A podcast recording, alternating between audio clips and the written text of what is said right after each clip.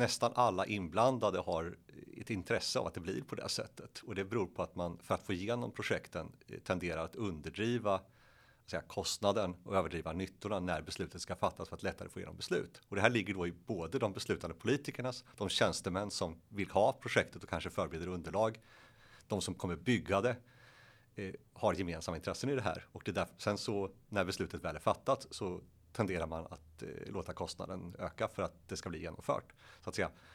Och de som inte är med i den här processen, det vill säga de som slut, i slutändan betalar, eh, skattebetalarna, eh, har ett, kanske ett annat intresse.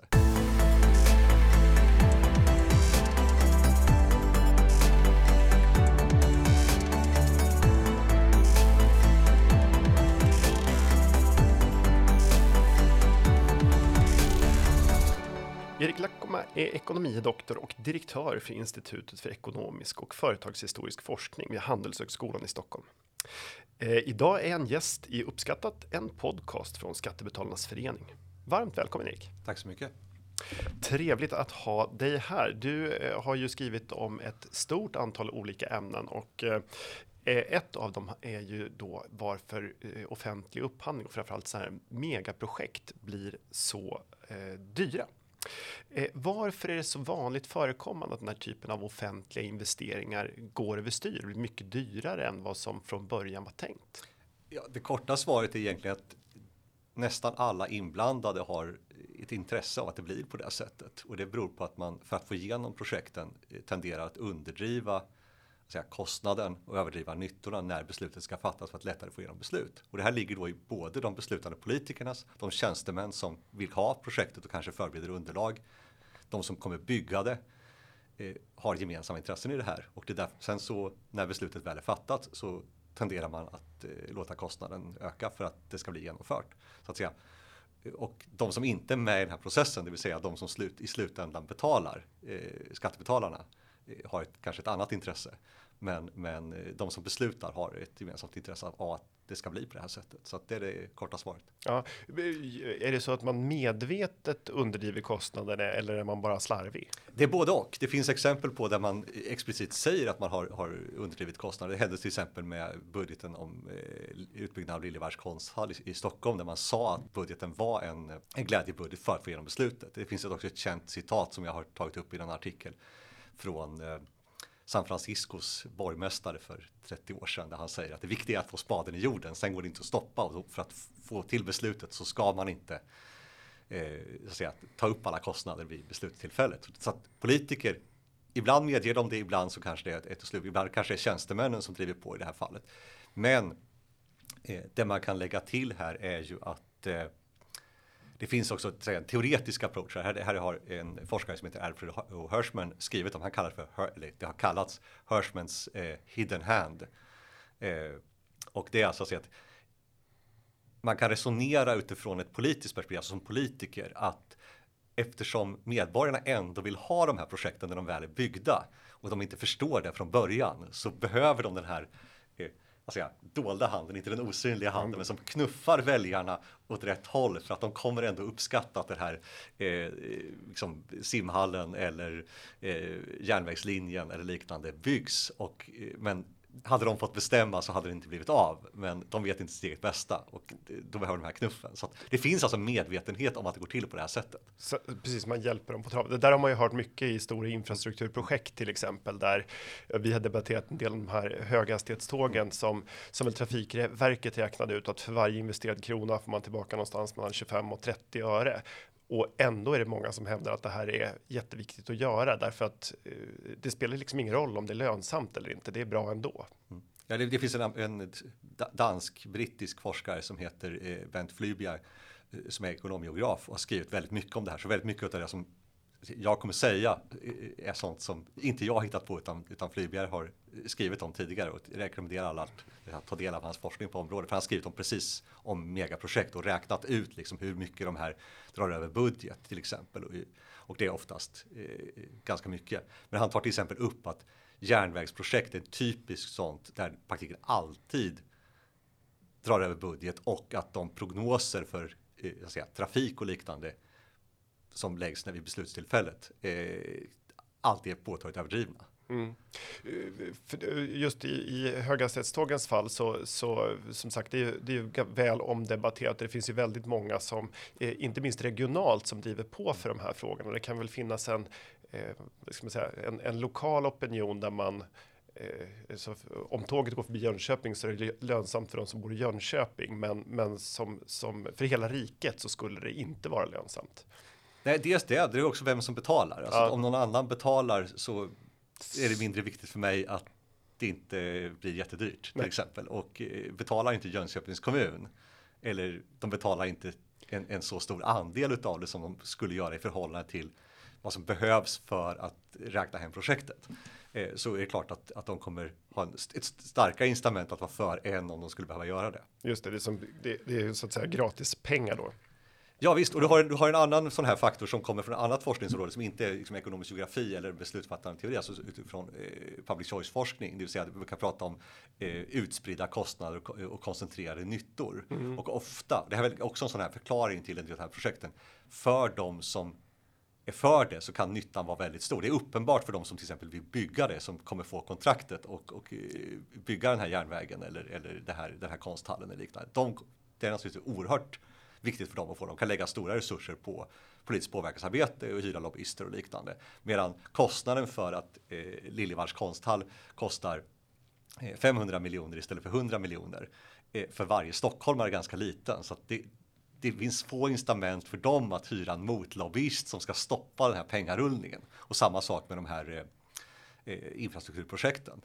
Det kan vara så att det är negativt för alla netto, men det lönar sig inte för var och en för koordinationskostnaderna alltså, och andra typer av transaktion, transaktionskostnader är så pass höga så att man inte kan göra det. Och det här är också en basic eh, ekonomisk insikt. Liksom. Just det, public choice i ja. sin prydnad. Det finns ja. några som har mycket att tjäna på det här. De blir väldigt högljudda och de andra förlorar så pass lite ja. så att de inte organiserar sig. Eh, annat än då i Skattebetalarnas förening. Eh, ligger det inte någonting i, för när man pratar om det här så brukar man säga, ja men eh, hade man räknat på tunnelbaneutbyggnaden i Stockholm eh, när den gjordes så hade den aldrig gjorts eller eh, stambanorna från början då. Eh, ligger det inte någonting i den kritiken? Har vi inte haft nytta av de här investeringarna ändå? Eh, det kan man ha, men det är också så att du kan också jämföra, det finns, om man tittar på Flyborgs diskussioner, det är ju så att om du gör korrekta kalkyler så kommer rätt projekt att genomföras. Men om du håller på på det här sättet att överdriva nyttan när beslutet ska fattas och underdriver kostnaden så kommer fel projekt, han kallar det här för för omvänd darwinism eller the survival of the unfittest. Det vill säga, och det här är logiskt, det vill säga att eh, om, om det finns majoritet i fullmäktige eller riksdagen för ett visst projekt för en viss kostnad så kommer majoriteten försvinna om kostnaden blir högre oavsett vad den är. Mm. Eh, och det, det, är fullt möjligt. Alltså, det, det, är naturligtvis så att det politiskt eh, i vissa fall kan vara helt okej. Okay. Det beror ju på vad väljarna tycker och partierna tycker. Att säga nej, men vi kommer inte kunna räkna hem den här investeringen. Eh, men den är bra ut, utav ett annat skäl som vi ska inte bygga. Även i det fallet så handlar det ju om att, eh, eh så att säga, eh, kalkylera korrekt för att man ska kunna jämföra med ett annat projekt. Mm. För nyttan, det är samma sak om du bygger gator till exempel i, i en i en stad. Det är ingen som kommer säga att Luntmakargatan i Stockholm måste vara lönsam, men den är en del av en helhet. Så att, tar man in den där så, så, kom, så kommer den kanske att lösas. Det beror på lite hur man räknar, men man måste räkna korrekt och man måste se till att man gör det bästa möjliga uppskattning utav vad kostnaden faktiskt kommer att bli och vad den faktiska nyttan kommer att bli. Just. Annars så vilseleder man sig själv och man vilseleder alltså allmänheten. Just. Så att även i de fall där det inte finns ett lönsamhetskrav så är det värt att tänka på det. Sen kan man lägga till, eh, du frågade tidigare om eh, offentliga projekt. Den här, de här mekanismerna finns naturligtvis även för privat verksamhet. Den viktiga skillnaden är ofta att där finns det en naturlig spärr, det vill säga att om du har ett vinstdrivande företag, det finns ganska många misslyckade projekt, det finns utveckling av eh, eh, liksom dataprogram, Flygboy har sådana exempel, du har Eh, till exempel Airbus 380-projektet eh, har jag använt som ett, ett, exempel som man lade ner till slut, även nu du säger Airbus delvis statligt, men mm, det är ett mm. vinstdrivande företag. Men de la ner det efter, efter 15 år för att de fick inte lönsamhet på det. Någonstans drar ett privat företag i snöret. Ja. Och om du ska bygga en fabrik och tänker att eller så går de omkull. De går omkull, eller så mm. drar de i snöret. Men om du bygger en fabrik och de räknar hem, om det här kostnaden fortsätter öka på det här sättet så kommer den produktion vi kommer bedriva aldrig att kunna generera någon vinst, då kommer man eh, sätta stopp. Ja. Eh, den här mekanismen finns inte alltid i politiska sammanhang. Den kan finnas om det är en väldigt liten kommun till exempel, vilket gör att alltså, ju större enheten som beslutar, desto större risk finns det för den här typen av, av kostnadsöverdrag. Så det är större risk i Stockholm än i Mjölby Ja. och det är större risk på nationell svensk nivå än vad det är på Stockholmsnivå till exempel. Ja.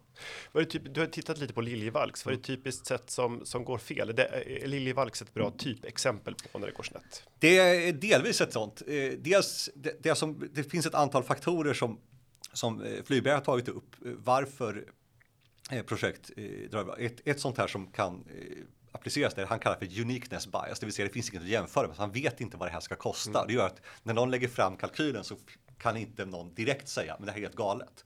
Om jag skulle däremot bygga en villa eh, och eh, jag vet att en villa, om du köper den från ett sånt här eh, hus, hustillverkarföretag så kostar villan 3,3 miljoner. Eh, Om jag skulle då lägga fram en kalkyl på 20 miljoner så skulle någon tänka det här är lite konstigt. Eh, Men vad kostar en utbyggnad på en konsthall på en viss plats enligt en viss design? Här hade man också det här problemet med arkitekttävlingar som är så här som praktiken alltid skapar uniqueness bias i förhållande till att bygga standardiserat. För det är en annan utav, utav eh, eh, Flybergs eh, punkt att om du köper standardprodukter så kommer du undvika mycket av de här problemen. Alltså, man, kan, man kan ha mycket synpunkter på till exempel de miljonprogramshus som byggdes på, på 70-talet. Eh, att de är fula, att de ligger på ett sätt där folk inte vill bo. Tittar man på undersökningar så vill folk antingen bo i kvarterstad eller i villor, inte i, i lamellhus eh, på en åker. Men de drog inte över budget därför att de var standardiserade. Man visste vad det skulle kosta. Man visste vad kostar att bygga ett badrum, vad kostar att bygga ett kök och den ene som lämnade anbud på det här kunde inte avvika speciellt mycket. Så att det var effektivt, var effektivt byggande och att de blir fula har inte med det här att göra utan eh, för det var standardiserat. Men om man hade byggt dem var och en så hade vi säkert fått lika fula hus. Men kostnaden hade, kostnaden hade, kostnaden varit högre. Ja, ja.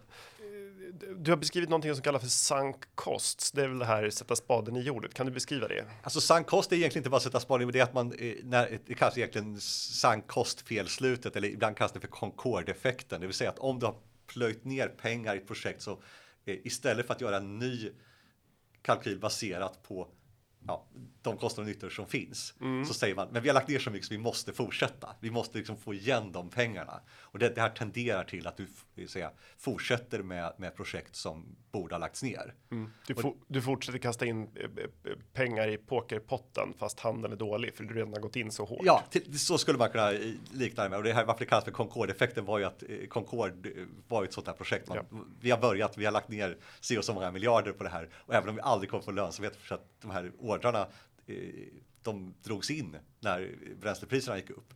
Så blev det, jag tror det blev 16 eh, eller 20 eh, flygplan byggde istället för 200. Och, men man fortsatte ändå, för vi har plöjt ner så mycket pengar. Och, och det här, det här, I den här artikeln när man tar upp det här så, så kallas det för Concorde-effekt. Men det är så att säga, sankkosteffekt är samma sak. Det, precis, det blir, och, det, det, och det blir väldigt mycket prestige i det här, eller hur? Ja, och det, om du går tillbaka till Liljevalchs, alla sådana här unika projekt blir ofta väldigt mycket prestige. Det är väldigt svårt att säga stopp för det här. Om du skulle, om du skulle börja bygga eh, att säga, ett bostadshus så är det mycket mindre prestige i att stoppa bygget. Eh, man har ju faktiskt gjort det i Stockholm nu. Det finns ett, ett projekt eh, där man eh, vet inte om man håller på och bygger eller renoverar eh, ett antal bostadsfastigheter i, eh, eh, på Söder. Eh, där byggföretaget drog över kraftigt och Stockholms stad har faktiskt slutat betala fakturorna. Åh, bra. Men det finns ingen prestige i de här, i de här bostadshusen och det är liksom ja, vi- vilka bostadshus som helst. Men eh, om det är en museibyggnad eller en bro eller något sånt där så kommer det vara mycket, mycket svårare att sätta stopp. Just det. Och, och det förhåller sig på samma sätt misstänker jag då inom andra områden så att, att bygga om en rondell kommer inte dra över eh, liksom med, med, liksom. Det kommer inte bli många gånger dyrare jämfört med om man bygger höghastighetståg där man där, där summorna är större. Ja, dels det, men du har också det här att eh, en rondell är ganska standardiserad produkt. Mm. Flygberg tar upp det här att vägar tenderar att inte dra över alls så mycket som järnväg. Och det beror naturligtvis att det är fler som kan bygga väg. Det är en mer standardiserad produkt. Eh, den är mindre beroende av markförhållanden etc. Och det är en ytterligare en sån här faktor att många gånger så skyller man, alltså i viss mån kan det finnas fog för det, man borde, men man kan samtidigt säga att man borde ha tagit hänsyn till det. Det vill säga att markförhållanden var sådana som vi inte visste och därför blev det mycket dyrare för att vi använda mycket dyrare teknik. Men antingen så tar man ju med det här i kalkylen att det finns en risk, eh, riskfaktor som kan vara ganska stor. Mm. Om vi vet att det här händer var tredje gång och då blir kostnaden tre gånger högre, då ska man ju ta med det i kalkylen. Ja. Men om man däremot har en, en, teknik som inte alls är lika beroende av till exempel hur berggrunden ser ut eh, eller liknande så kommer eh, naturligtvis att kostnaden inte med samma stora risk att bli högre än, än vid, kalk, vid kalkyltillfället. Men för det är ju ändå, det, det, ofta blir det ju liksom sensationellt mycket dyrare. Du skrev en artikel i Smedjan ja. här för eh, ett och ett halvt år sedan ungefär. Mm. Och där konstaterar du att eh, OS i Montreal blev 1300 procent dyrare. Eh, Suezkanalen 1900 procent över budget, Operahuset i Sydney 1400 procent dyrare. Eh, norska Riksbankens kontor 440% dyrare. Eh, Köpenhamns tunnelbana 150% dyrare.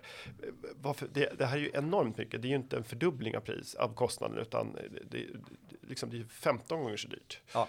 Var, det finns fler, finns, jag kan räkna upp 20 sådana här exempel till från, från Sverige och eh, olika, olika typer. Jag nämnde till exempel i samma artikel, bara för att ta ett, du pratar om rondeller, nu är det här inte en vanlig rondell, men till exempel eh, Nya Slussen-projektet eh, hade då dragit över med 530 procent, men då är bygget bara halvfärdigt. Aha. Så att, och eh, där ska man nämna till exempel att Sten Nordin när de började prata om det här för 20 år sedan sa att hans smärtgräns var 1,2 miljarder och nu var man uppe i 15.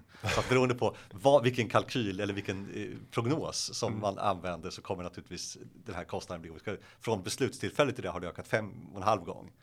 Eh, men, men från när man börjar prata om det har det ökat med 15 gånger det också. Så det, här, det, här, det finns många exempel på det. Så det här, att de här exemplen du tog upp är inte alls unika. Och det är inte så att man har tagit de mest eh, eh de, de mest uppseendeväckande världshistorien, utan det är mest att det är kända, kända projekt. Ja. Och flera av de här kan vi också nämna att eh, har använts som argument för just den här så att säga, Hirschmans hidden hand, det vill säga ja, men i efterhand så är det många som vill ha operahuset i Sydney. Mm. Ja, det kanske de var, men de kanske fortfarande sagt, hade vi vetat vad det kostar kanske vi inte velat ha det ändå. Men nu när det står där så vill vi inte riva det. Nej, så man kan alltså diskutera om man hade velat ha det ändå. Eller, eh, och vissa av de här kanske man inte velat ha alls. Nej, Nej och det, det är intressant. Och en sån vanligt återkommande, det är ju, nu hörde jag att Anders Ygeman eh, var ute och sa att vi kanske skulle söka OS igen.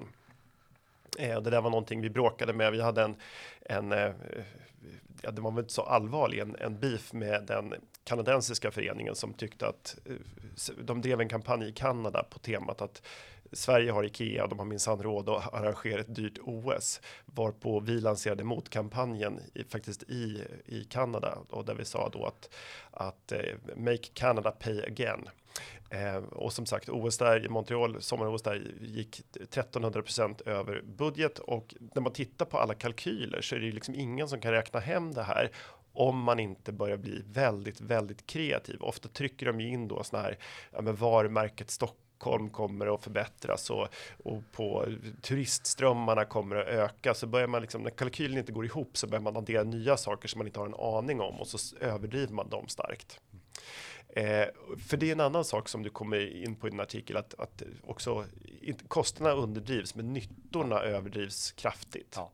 Och det är utav samma skäl, att om du ska mm. göra en, en kostnadsnyttokalkyl så, så kan du ju se påverka både täljaren och nämnaren. Just det.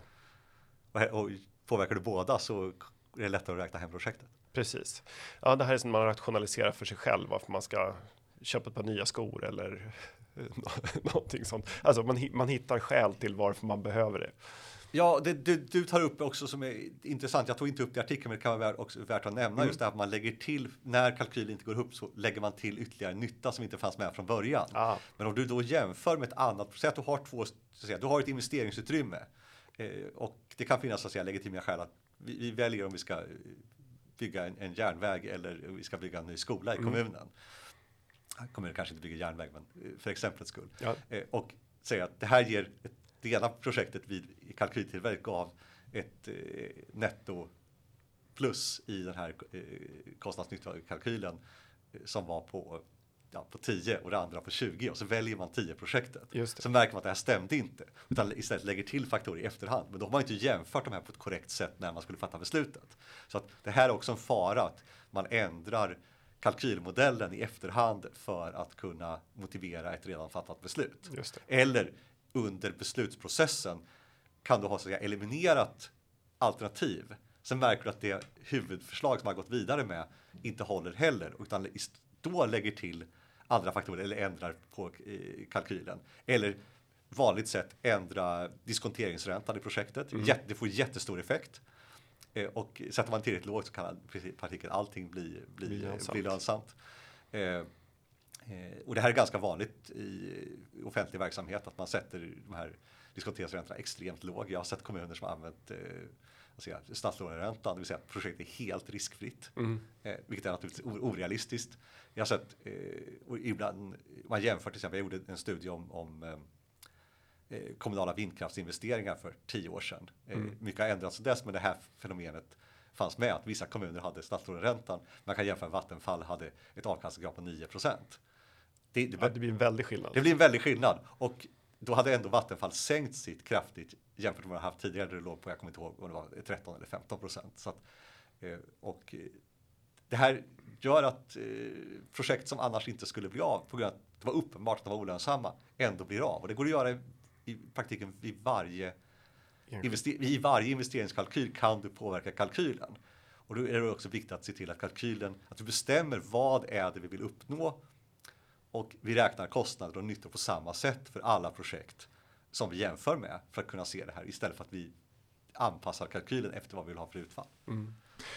Brukar det finnas någon, någon, eh, min upplevelse är att det inte finns särskilt stor politisk opposition utan de här eh, stora projekten brukar man vara väldigt överens om över partilinjerna utan det är liksom ett gemensamt intresse man har. Ja, och det, det, det också finns en, en politisk logik i detta. Att, eh, alltså, många sådana här, dels har du den här skillnaden mellan, mellan i praktiken väljare och valda. Oftast i en demokrati på sikt så, så kommer det inte vara stora avvikelser, men på kort sikt så kan du ha politikerna tycker någonting och väljarna tycker någonting helt annat. Mm. Eh, och det kan vara så att väljarna kanske inte bryr sig så mycket om det i varje enskilt projekt.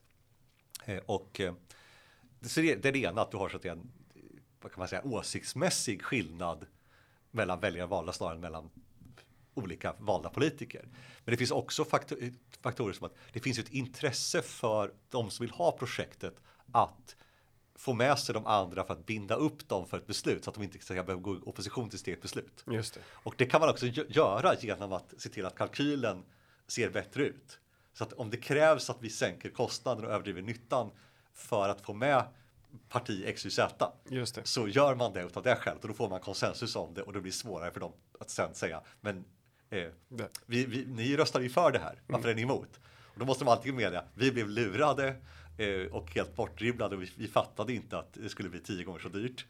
Eh, eller så sitter man tyst och möjligen skäms men, men eh, går inte i opposition. Och sen så upprepas det här beroende på eh, vilka som säga, har initiativet i varje enskild fråga. Så det går att förklara utifrån ett säga, politiskt beslutsfattande. Liksom, Just det, och du har plöjt ner prestige. Det blir ja. en prestigeförlust ja. då att säga vi hade, vi hade fel, vi borde inte ha byggt Slussen eller nu är det dags att avbryta. Men varför var ni för från början? Ja. Och då sitter man i en, i en politisk rävsax. Ja, och jag, jag tar, det här är någonting jag tar upp i avhandlingen också, just den här typen att dels den här typen av låsningar kring vad man, alltså man har pratat fast sig i, i olika typer av beslut. Därför går det väldigt ibland inte att ändra dem så länge de här personerna sitter kvar. Oavsett, och det här inte har, med, det har inte med partifärg att göra utan det handlar om ja, personliga psykologiska egenskaper. Mm.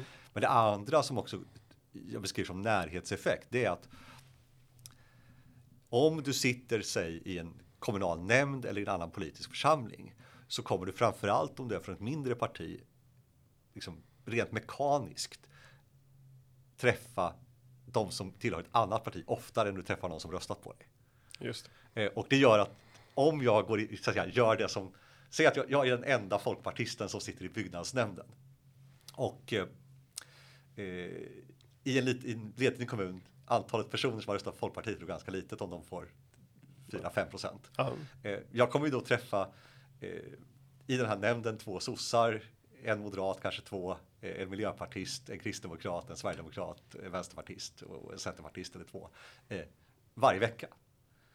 Och eh, om jag går för hårt fram så kommer de det kommer bli dålig stämning i mm. fikat. Och det finns en tendens därför att man sitter i, i en eh, beslutande församling att man anpassar sig till dem. Det blir en konsensus. I vissa fall kan det här vara bra. Därför ja. att du liksom, det diskuteras liksom mycket det här med liksom politisk polarisering och, och eh, sånt. Så visst, det är inte så den, mekanismen får olika resultat, men det kan också vara så att du får eh, säga, skillnader mellan vad väljarna har förväntat sig av det de röstade på och vad som eh, eh, sen sker. Och att du får så att säga, större konsensus än vad du kanske borde ha givet var partierna borde stå någonstans. En grupp, du får en Ja, grupptillhörighet. ex- exakt, liksom. exakt. Ja. Så att, och jag kallar det för närhetseffekt eh, i, i politiken. Där kan, du kan förklara vissa typer av utav, eh, beslut och, och framförallt varför du får skillnad i vissa frågor mellan vad väljarna tycker och vad politiker tycker, åtminstone på kort sikt.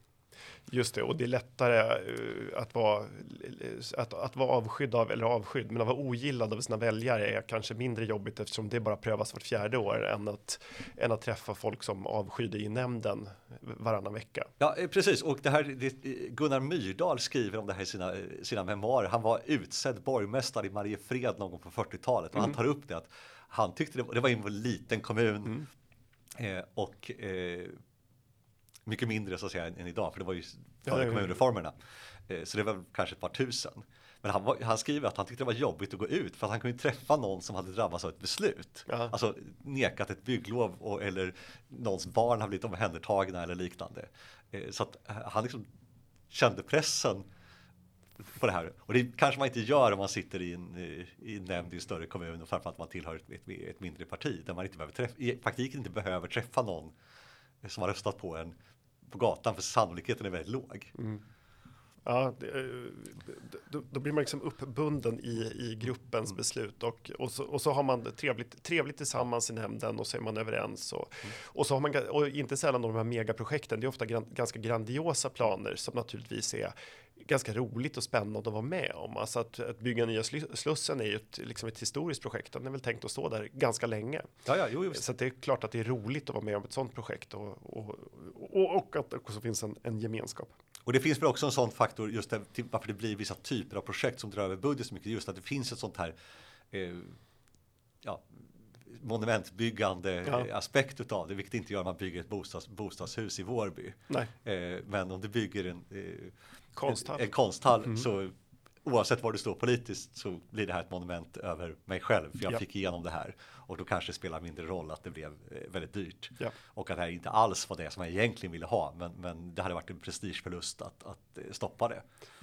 Och pengarna tar inte slut, utan du kan ta pengar från något annat håll eller skuldsätta dig eller så där, på ett sätt som du inte kan göra, framförallt inte som privatperson, men, men inte ens företag klarar av det. Nej, men och även, det här kan man eh, lyfta fram den här faktorn med att mindre kommuner har en, en naturlig spärr. Det går alltså inte att bygga en eh, Det går inte att bygga en Liljebergs konsthall i Flen som jag kommer Nej, ifrån. det, det, det skulle inte gå. Det skulle hela budgeten för kommunen gå åt Ja. till det här och då skulle det bli nej från alla oavsett vad de, vad de tyckte om konstnärer. Vi går inte. Och även om man då har sagt vi har gjort en kalkyl som är 100 miljoner och det blev 500 miljoner. Det hade blivit ett stopp i Flen. Mm. Ja. Sannolikt hade det blivit stopp på ett mycket tidigare skede förstås. Ja. Men där har det, den politiska enhetens storlek har stor betydelse för de här kostnadsöverdragen. Och det kan man också titta på de projekt som drar väldigt, väldigt mycket. Det är väldigt sällan de är att det är någon liten enhet som byggde det här och sen gick de i konkurs. Utan eh, det är de som har råd att bygga det. Stockholms stad har råd att bygga eh, och dra över budgeten och bygger liksom någon, någon arena som liksom är Tele2 Arena eller liknande. Det kan de inte göra i Flen, därför så kommer det inte ske där. Nu ska vi inte ge någon kommunpolitiker fler några idéer, för att vem vet, vem vet vad man kan tänka ut även där. Eh, hur skulle man då kunna komma till rätta med den här typen av problem? Du nämnde några, att man ska göra eh, samma kalkyler eh, liksom för jämförbara projekt och inte komplettera dem i efterhand. Eh, man bör vara noga då med att redovisa kostnaderna, men också nyttorna på ett, på ett eh, liksom, på ett likvärdigt och bra sätt. Vad finns det för andra lärdomar man kan dra? Hur kommer man runt där? Så dels på kalkylnivå som du säger så, så kan man väl säga att det finns ett ansvar för alla inblandade att försöka göra det så korrekt som möjligt. Sen finns det vissa saker som eh, man kan göra för att undvika eh, alltså, vrida incitamenten rätt. Ett, ett sånt här förslag som jag har lyft fram tidigare är eh, till exempel att folkomrösta om stora projekt. Då får man automatiskt låsning. I praktiken så tvingar du politiker att gå tillbaka till väljarna och säga Sorry, vi klarade inte att hålla den budget ni röstade om. så nu vill vi ha tio gånger mer pengar för samma sak. Vill ni rösta för det igen? Eller så kör man över väljarna och säger vi struntar i vad ni tyckte och då kommer det kosta dem mer i valet än om man bara kör det här som den vardagslunken i, i, i kommunfullmäktige. Mm. Eh, plus att du får en annan sak med folkomröstningar. Folkomröstningar finns det alltid en ja och nej-sida. Ja. Det gör också att det finns intresse för att belysa kostnader. Du kan inte ha hemliga kalkyler till exempel, vilket faktiskt är sån här, för att gå tillbaka till din första fråga. Det hade man till exempel med nya Slussen. Där dolde man ungefär 90 procent av kostnaderna i investeringar i allmän platsmark som inte ens de som satt i fullmäktige fick se. Oh, så de fick alltså fatta ett beslut och bara lita på oss. Eh, och eh, som var, var i stort sett hela kostnaden. Oh, Jesus. Eh, och det kan, hade man folkomröstat hade det aldrig gått. Därför att väljarna hade aldrig accepterat en hem, att rösta med en hemlig kalkyl. Eh, det ena. Säg ja och så får vi se vad det kostar sen. Ja, ja. Det, så det hade inte funkat. Så det finns så att man skulle införa en regel. Så jag, jag föreslog det här när jag var på ett annat seminarium eh, nyligen här att man skulle ha som regel att alla projekt som är över 500 miljoner skulle ha folkomröstning om. Mm. Man kan inte ha dem alla för liksom, dels är det folk kommer inte gå och rösta på dem. Men, men dels är det ett stort intresse, och det här rörde Stockholm då. Eh, I en mindre kommun kanske man kunde ha 50 miljoner. Mm. Eh, då får man, dels får man återkoppling, eh, vill välja ha det här, för att annars har du det här problemet med, jag kanske håller med om ett parti om allt annat. Men inte om att man ska slösa pengar på just Liljevalchs konsthall eller på den här vägen som jag inte vill ha eller kanske vill ha. Eh, och då kan du säga frikoppla beslutet i investeringen från alltså, den allmänna partipolitiska, de allmänna partipolitiska frågor som inte alls på samma sätt har de här eh, problemen med kostnadsöverdrag som eh, som, som investeringarna har. Nej, just det, för ska du byta parti för ett för Slussenbygge eller Liljevalchs ja. konsthall så, så kräver det att du har väldigt starka intressen ja, i det. Mm. Exakt, så det här kan lösa flera av de här problemen att ha, mm. att ha folkomröstningar om det. Både genomlysning, du får bättre beslut, eh, du tvingar politikerna att ta större ansvar för de kalkyler som läggs fram och du låser när beslutet väl är fattat så låser man dem vid den här kalkylen så att det blir svårare för alla att, att säga, ändra i efterhand och skjuta till och så vidare. Eh, det finns ett, ett, antal andra sätt att göra det här på. Vi har nämnt flera av de här. Att ju mindre de här varje projekt är, desto mindre risk är det. Mm. Eh, så att, eh, och det kan man till exempel titta på när man bygger bostadsområden, att dela ut, säga, låt flera byggherrar bygga på varsin tomt. Det är oftast bättre än att någon bygger alltihop åt Just. kommunen. Sälj tomterna istället för färdiga projekt. fler tar risk och du, du ja, om något går snett så spelar det mindre roll. Du kan dela upp entreprenader, till exempel om du bygger, bygger väg, eh, som är för en ganska standardiserad produkt. Men om du, det är väldigt få ändå som kan bygga ja, 300 kilometer motorväg. Mm. Ja, det är kanske tre anbudsgivare som skulle lägga ett anbud på det i, i Sverige. Men om du delar upp det här på att bygga en kilometer var ja. Eh, så skulle det säkert bli billigare. Och om någon skulle fallera så finns det någon som kan hoppa in och bygga klart den där kilometern också. Så att, och då skulle fler entreprenörer kunna ge sig in i en, i, i en sån upphandling. Ja, dels det. Det minskar risken för att det fuskas i upphandling ja. naturligtvis. Men det är också så att det minskar risken för att det blir kostnadsöverdrag därför att eh, du kan täcka upp för andra. Det finns någon som kan hoppa in eh, och göra det här eh, om det här första. Nej, vi klarar inte, vi måste ha mer pengar. Det är det som ofta sker. Att, att eh, man börjar bygga och sen så kommer den som säga, har det här entreprenadavtalet och säger Ja, vi upptäckte att det här inte funkar eh, och eh, men eh, vill ni att det ska bli klart så måste ni skjuta till mer pengar. Just det. Och då kan politikerna välja att säga nej, eh, vi låter det vara och sen så får det här stå eh, halvfärdigt. Det kanske har varit bra i vissa, vissa fall. Det hade kanske varit en, ett bra monument om man gjort så med, med Liljevalchs att man mm. när man drog över budgeten när det här var byggt en, en tredjedel eller femtedel av projektet så lät man byggnadsställningarna står kvar så kunde man ha det här. Det här är ett monument över hur det är ett konstverk. Ett, ett, ja, ett, ett monument över eh, vikten av att göra korrekta kalkyler. Mm. Eh, så det här kanske varit bra, men, men om man har byggt en väg så vill man inte att vägen ska vara halvfärdig, man vill kunna åka på den. Och då kommer politikerna säga, men nu har vi ju, det här måste byggas klart så ni får pengarna. Och eh, om då det här som har hela entreprenaden säger, att vi måste ha tre miljarder till för att det ska bli klart. Eh, så är det svårare än om du ska säga, ja, eh, vi, vi drar över budget på vår lilla snutt som vi ska bygga här. Eh, så vi behöver 20 miljoner till och säger de nej, då, då får, någon annan, får någon annan ta det. Ja. Så att den typen att, att dela upp och bygga mindre är eh, en sån faktor. Standardisering. Eh, du undviker det här som kallas för uniqueness bias. Mm. Eh, du kan få jämför, jämförbarhet eh, och det, det, kan man faktiskt lära sig till exempel av miljonprogramsbygget Mm. om man bortser då från, Fult. arkitekturen. Ja. Men hur, hur man, hur man liksom projekterade och byggde det här. Det var standard, man visste precis vad det skulle kosta. Mm. Eh, kan också, den här frågan kom upp till exempel i diskussionen kring eh, Nya Karolinska där man sa men det här är helt unikt så det går inte att jämföra att, att det går att bygga ett lika stort sjukhus i, i Hamburg för en tiondel av kostnaden. Det går inte att jämföra, de här är inte jämförbara. Nej, men varför då? Mm. Kunde ni inte byggt ett sånt sjukhus som man har gjort i Hamburg istället då? Då hade ni kunnat Spara dem. spara de här pengarna istället för att göra en helt unik lösning. Så att, och många säger men det, det, går inte att göra på ett annat sätt. Ja, många gånger så, Så gör det. så gör det ju faktiskt Ja. det. Så det är väl det här. Eh, sen finns det också det här prestige, man kan undvika prestige. Man, ska, man bygger, det ska vara störst eller alltså. Eh, Störst, bäst och vackrast. ja, alltså, och det gör att då blir det prestige i projekten. Det blir svårare att stoppa dem. Säga, vi ska bygga eh, världens största sfäriska byggnad som Globen eh, såldes Ja. in som. Jag vet inte vilket är den näst största sfäriska byggnaden. Ingen som vet, för det här är totalt irrelevant för alla andra utan de som byggde den. Ja. Eller eh, man bygger, ska bygga höga hus för att ja, Det- vi måste ha det högsta huset i Stockholm för det har de i Malmö eller Ja, liknande. just De här drar alltid över budget också för att man klarar inte att sätta stopp. Mm. Och samma sak för att ta ett icke-offentligt projekt med det här med eh, Airbus 380. Mm. Vi ska bygga världens största passagerarflygplan. Jaha, okej, men Varför? varför då? Är det någon som är villig att betala mer för att åka i största flygplanet? Ja, kanske inte. Men det låter väldigt häftigt Ja. på stämman. Ja, ja, exakt. Och det gick med förlust och det gick, de tjänade inga pengar och eh, de, till slut så la de ner det här projektet efter att inte ha liksom fått igen, eh, jag vet inte om, eh, det, det var många, många miljarder som plöjdes ner i, i det där och aldrig, det hade aldrig gått att få lönsamhet på det. Nej. Och det hade man kunnat se på förhand förmodligen.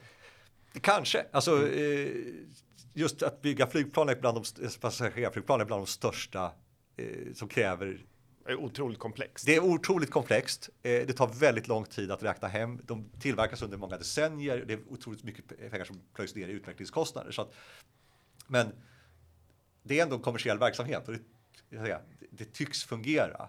Men naturligtvis kan det även gå snett där. Och även, och, men lägger du till den här prestigefaktorn, det ska vara störst. Så finns det, då, då, eh, för att de har inte gjort motsvarande, alltså det finns, de har dragit över budget på, men inte på det här sättet.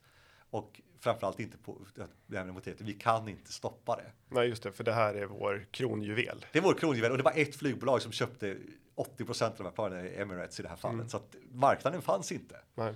Och eh, det hade man kunnat inse, men, och det var många som påpekade naturligtvis, det är inte så att det var någonting man upptäckt i efterhand, utan man hade sannolikt stoppat det här tidigare om det inte hade varit världens största flygplan.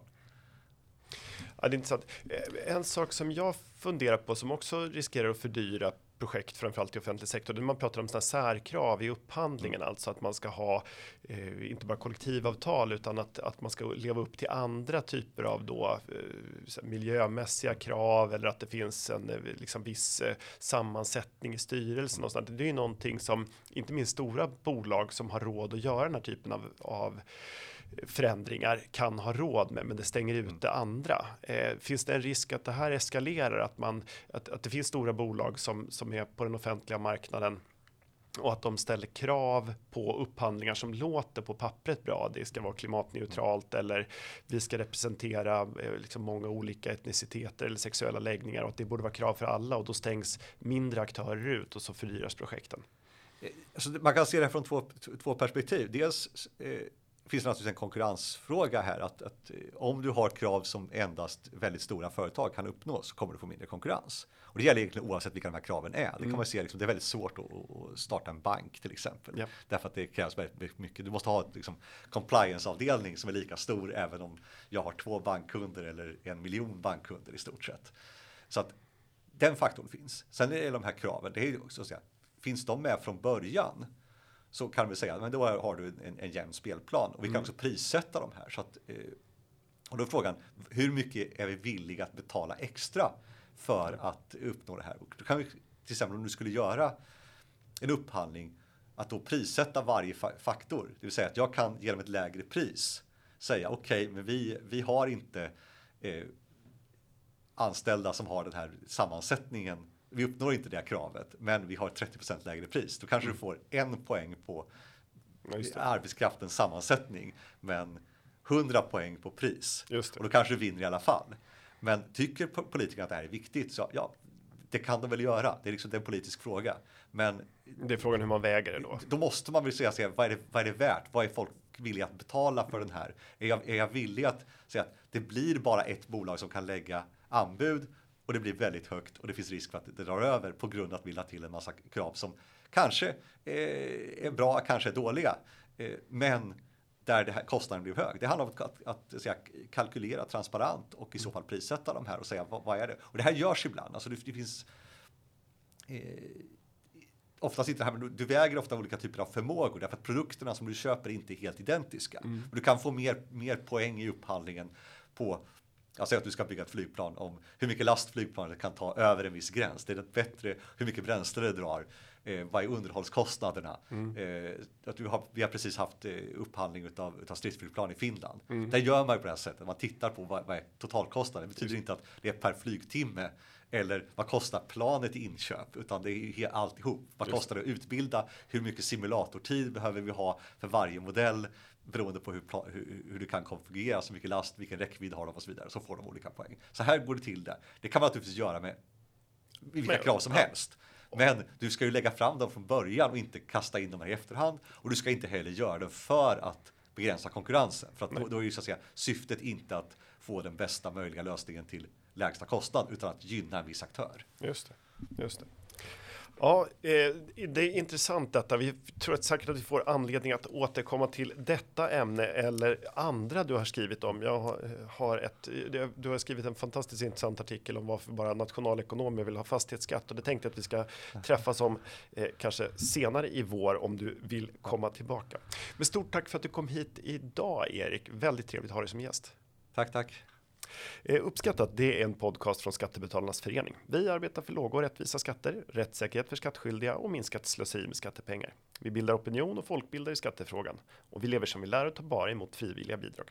Uppskattar du podden och vill medverka till att Sverige blir ett land med minskat slöseri och rimligare skatter så stödjer du oss enklast genom att bli medlem. Läs mer och bli medlem på www.skattebetalarna.se bli medlem. Till nästa vecka, ha det så bra!